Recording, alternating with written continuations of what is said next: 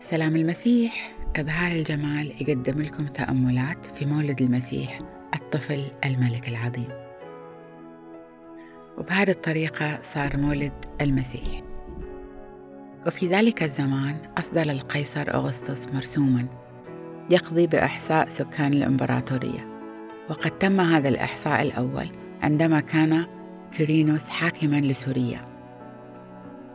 فذهب الجميع ليسجلوا. كل واحد إلى بلدته. وصعد يوسف أيضا من مدينة الناصرة بمنطقة الجليل إلى مدينة داود المدعوة ببيت لحم بمنطقة اليهودية. لأنه كان من بيت داود وعشيرته. ليسجل هناك مع مريم المخطوبة له وهي حبلى. وبينما كانا هناك تم زمانها لتلد.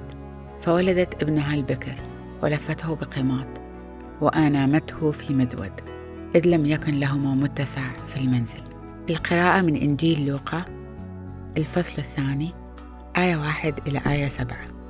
فبولادة المسيح تحقق الوعد اللي الله عطاه حواء وإبراهيم وإسحاق ويعقوب وانولد المسيح المنتظر اللي الكل كان ينتظره بلهفة. وبصراحة هذه الآية شدت انتباهي إن المسيح ما كان له مكان ينولد فيه. لم يكن لهما متسع في المنزل. وفي آية في رسالة بولس الأولى لكنيسة كولوسي قال فيها عن المسيح هو صورة الله الذي لا يرى والبكر على كل ما قد خلق. إذ به خلقت جميع الأشياء ما في السماوات وما على الأرض ما يرى وما لا يرى. أعروش كانت أم سيادات أم رئاسات أم سلطات. كل ما في الكون قد خلق به ولأجله. فالمسيح اللي انخلق بكل شيء ما كان له مكان الآية تقول إذ لم يكن لهما متسع في المنزل. المسيح ما كان له مكان يوم ولادته لأن مكانه الحقيقي هو في قلوبنا. وهو يبغى يسكن في قلوبنا ويعيش فينا كصديق وملك ومخلص وحبيب وزوج وأخ وكل شيء نحتاجه. لأن المسيح قال إن إحنا هيكل الله. وإحنا المكان اللي هو يبغى يسكن فيه وهذا هو مكان راحته إنه يسكن فينا. لأن الله دايما يسعى للقرب من البشر وهو دايما ياخذ الخطوة الأولى للعلاقة معانا.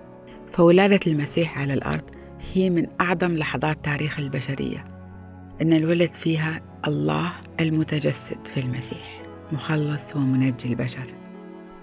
والآيات اللي بعدها تقول وكان في تلك المنطقة رعاة يبيتون في العراء. يتناوبون حراسة قطيعهم في الليل. وإذ ملاك من عند الرب قد ظهر لهم ومدد الرب وأضاء حولهم. فخافوا أشد الخوف. فقال لهم الملاك لا تخافوا فها أنا أبشركم بفرح عظيم يعم الشعب كله. فقد ولد لكم اليوم في مدينة داود مخلص هو المسيح الرب. وهذه هي العلامة لكم.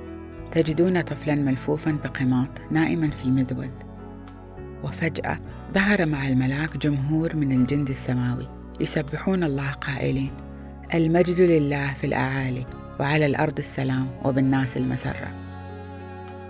ولما انصرف الملائكة عن الرعاء إلى السماء قال بعضهم لبعض لنذهب إذن إلى بيت لحم وننظر هذا الأمر الذي حدث. وقد أعلمنا به الرب. وجاءوا مسرعين فوجدوا مريم ويوسف والطفل نائما في المذوذ فلما رأوا ذلك أخذوا يخبرون بما قيل لهم بخصوص هذا الطفل. وجميع الذين سمعوا بذلك دهشوا مما قال لهم الرعاة. وأما مريم فكانت تحفظ هذه الأمور جميعا وتتأملها في قلبها. ثم رجع الرعاة يمجدون الله ويسبحونه على كل ما سمعوه ورأوه كما قيل لهم. القراءة من إنجيل لوقا الفصل الثاني آية ثمانية إلى آية عشرين.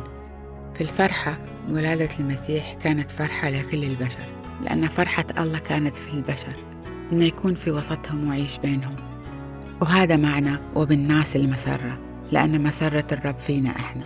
فأختي المباركة اقرأي هذه الكلمات وتأملي فيها. صلاتي أنك تستقبلي المسيح بفرح.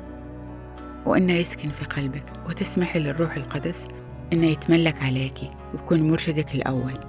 جهزي للمسيح مكان في قلبك.